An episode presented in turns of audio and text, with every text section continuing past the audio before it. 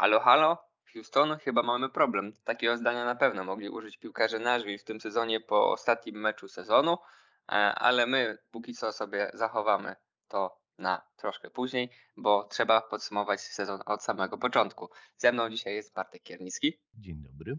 E, I dzisiaj będziemy sobie, jak już wcześniej wspomniałem, omawiać e, jak wyglądał cały sezon 2021 w wykonaniu Nashville SC. W parku jak Twoim zdaniem wyglądał ten sezon? Czy był lepszy od poprzedniego? Bo poprzedni raczej no, no nie był najlepszy na świecie. Oni tam w poprzednim sezonie mieli siódme miejsce w swojej konferencji. Łącznie jakby sumować tabelę ledwo 14. Mm, no, no to nie jest, to nie był taki super wynik. Czy w tym sezonie udało im się go poprawić? Poprawili, to prawda. Ja tu trochę stanę po obronie Nashville, no bo w pierwszym sezonie awansować do playoffów to jest już sztuka a ten sezon to już był kompletnie kosmiczny. Moim zdaniem, tak, jako fana statystyk. Widzisz, e, nawiązania do kosmosu same się sypią jak z tak, rękawa. jak z rękawa, jak z karabinka. Jak pewien kapitan. E, dobra, mm, co możemy powiedzieć? E, rewelacyjna obrona. Mm, chyba albo najmniejszy strata goli, albo druga najmniejsza, bo tylko 33 gole w 34 spotkaniach. Łącznie gole stracone i zdobyte plus 22 najle drugi najlepszy wynik w MLS. 18 remisów w ciągu sezonu, który jest 34-kolejkowy. Rekord MLS, y, tylko chyba Chicago Fire, tam ponad 15 lat temu, czy 10 lat temu.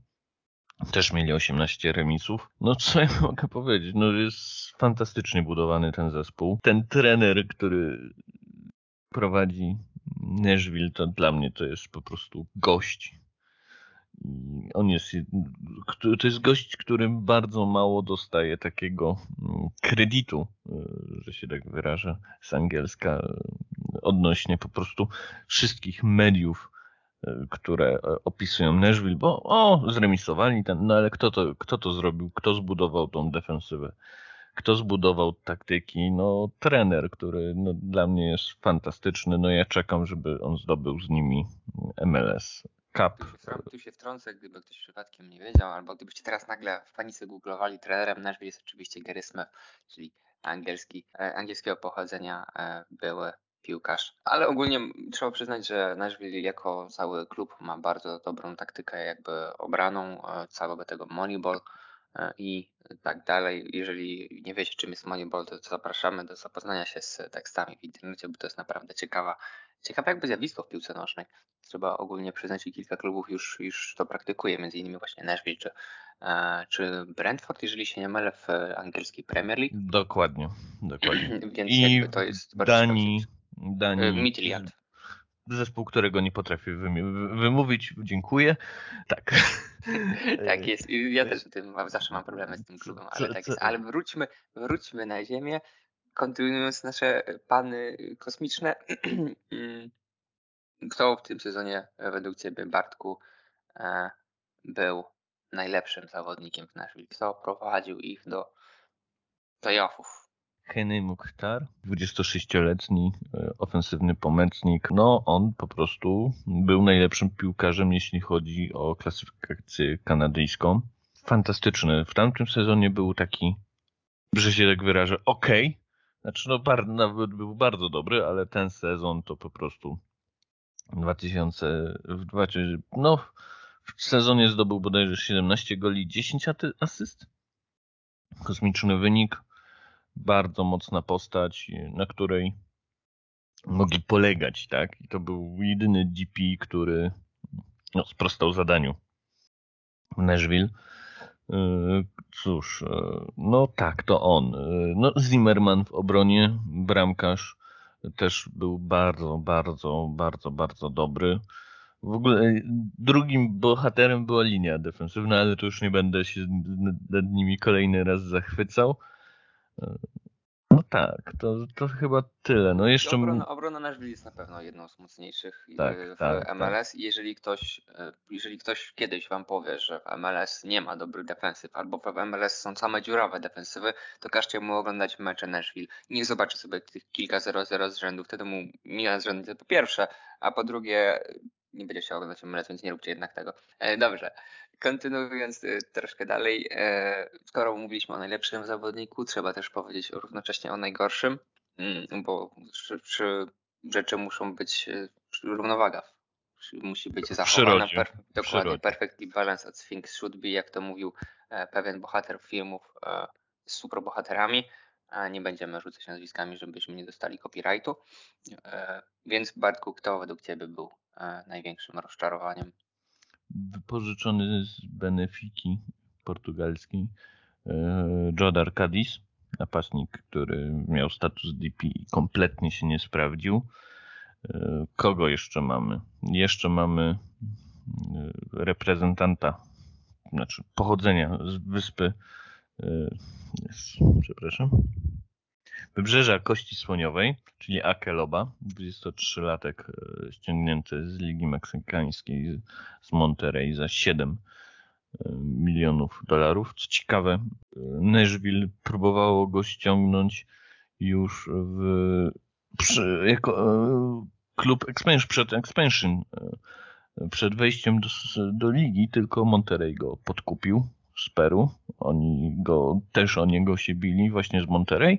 No i teraz go odkupili z Monterey. On tam po tych dwóch sezonach w Meksyku no był takim dobrym zmiennikiem z ławki, ale no nie udało mu się przebić do pierwszej kadry, więc po prostu mm, poszedł do Nashville. No i co? W Nashville na razie nie odpalił, bo tylko dwa gole przez pół sezonu, ale no ja wierzę, że on odpali, więc to tak 50-50.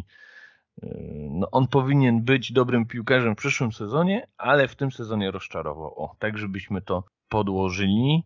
No jeszcze mieliśmy Rodrigo Pineiro, na którym ja bardzo myślałem, że będzie dobrym piłkarzem i on wejdzie z tak zwanymi drzwiami do ligi, no ale on niestety no nie poddołał takiej tranzycji z Ameryki Południowej do MLS i odbił się kompletnie.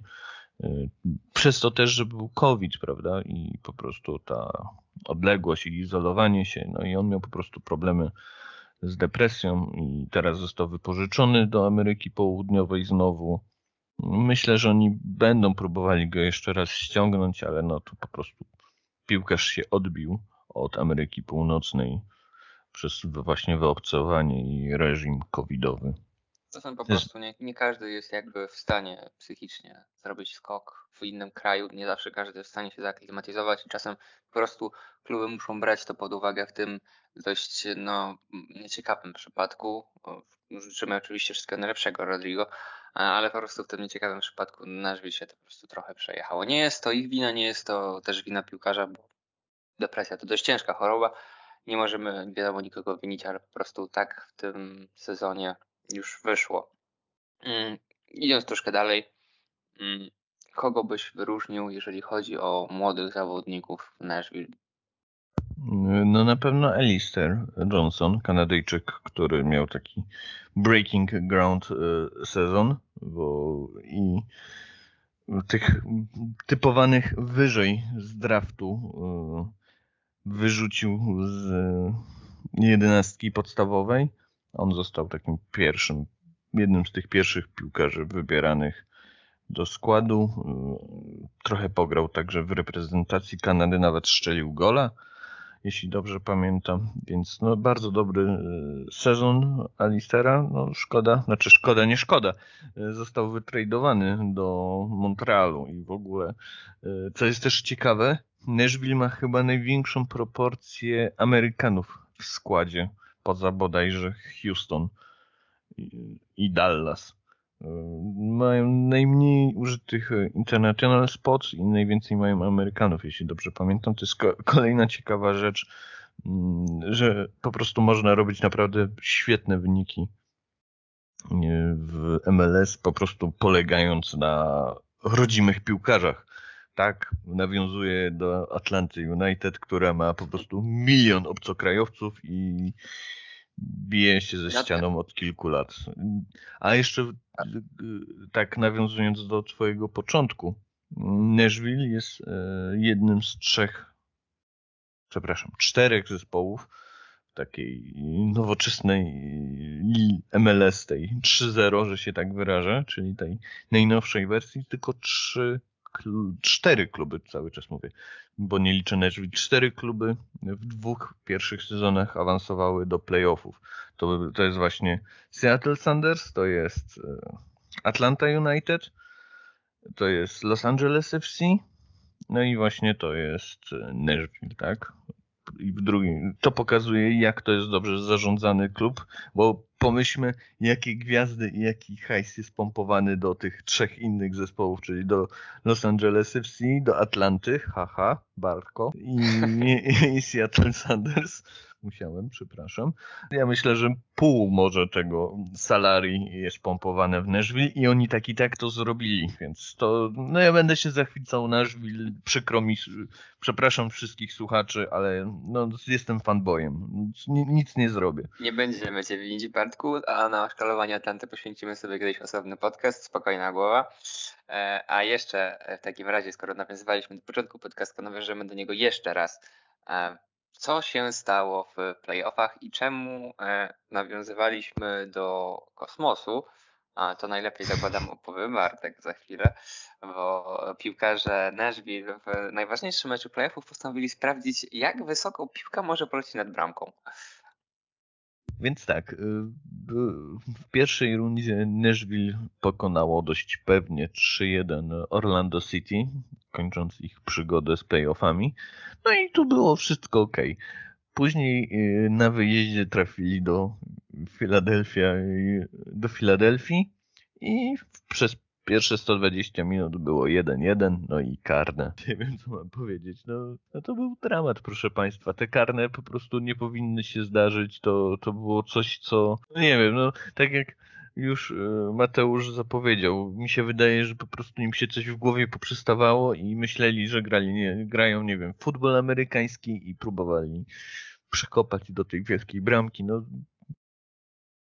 no dramat, no podłowali jak e, nie, nie chcę używać wulgarnych słów, no bardzo źle wykonywali e, rzuty karne. Blake bronił, Philadelphia bardzo zasłużenie awansowała, no bo jakby nie awansowała przy tym, że przeciwnik tak wykonuje karne, to już byłby po prostu skandal. Mm, to byłby dramat. Trzeba przyznać, że naprawdę podejść do karnego i żeby nikt nie trafił, to to już jest specyficzna sytuacja. A nie mówiąc już o tym, jak chociażby Walker Zimmerman, Zimmerman odpalił program kosmiczny z tą piłką. No cóż, e, gdyby nad stadionem wtedy leciał jakiś tak, to dalej już by nie leciał. Ale dość o... Znaczy chwilkę by pikował, nie? tak. Potem już byłyby problemy. Ale dość o programie kosmicznym Nashville SC. E, może kiedyś do niego wrócimy. E, być może oczywiście. Lepiej dla nich, żebyśmy do niego już nigdy nie wracali. Mm, Bartku, jak, jakie są Twoje przewidywania, jakie są Twoje bold predictions na nowy sezon? Nashville prawdopodobnie znowu zrobi playoffy. Nie zdziwię się i to prawdopodobnie jest cel minimum i tak pewnie będzie, ale jak, e, czy myślisz, że stać ich na lepszy wynik niż w tym sezonie? Tak, jeśli ogarną sobie jakiegoś napastnika, bo no, ich najlepszym strzelcem był ofensywny pomocnik. Jeśli ściągną, znaczy ja liczę, że ten Akelobe będzie takim napastnikiem, ale jeśli ściągną jeszcze jakiegoś napastnika, no to i te remisy mm, zmienią się w zwycięstwa, tak, bo dalej będę przypominał tylko cztery porażki, 18 remisów, to jakby chociaż połowa tych remisów stała się zwycięstwem, gdyby mieli jakiegoś napastnika, no to mogłoby być naprawdę ciekawie. Playoffy moim zdaniem są w pełnym zasięgu. Zrobią je trzeci raz z rzędu. Trzeci raz yy, to jest prawie pewne. Czy coś więcej? Nie wiem. Chociaż patrząc na to, jak oni dobrze grają właśnie w takich meczach specyficznych, że mają blokować przeciwnika i nie pozwolić mu grać piłką, to na przykład nie zdziwiłbym się, i to jest mój bold prediction, że e, zdobędą US Open Cup w tym sezonie. Bo oni mają na tyle gołębie składu i na tyle wyrównany skład, że mogą spokojnie sobie puścić kilku piłkarzy właśnie co kolejkę tych mocniejszych na Open Cup i moim bold prediction jest to, że po prostu pierwszym trofeum, które zdobędą, to będzie US Open Cup. Mówię to ja. Nie pamiętam, jak on to mówił w misiu, ale mówię to ja, Bartek Kiernicki, 29 stycznia 2022 roku. Będę to wyciągał, jak zdobędą Open Cup. Pozdrawiam. Oby, oby dla ciebie, żeby zdobyli, bo będziesz mógł, mógł się chwalić. Bo w końcu w tym roku tak leciutko off-topowo mówimy praca Open Cup, 103 kluby, rekordzik. Będzie, będzie co oglądać e, w tym sezonie. Nie tylko MLS, nie tylko USL, ale także US Open Cup w końcu będzie można rzucić okiem. Dobrze, tym sympatycznym akcentem pominania o pucharze, najstarszym pucharze, kończymy ten podcast. Moim i Państwa gościem był Bartek Kiernicki. Dziękuję, pozdrawiam. A ja nazywałem się Mateusz Bisz i dziękuję Wam po raz kolejny za słuchanie naszego podcastu i do usłyszenia w kolejnym odcinku. Hej, hej!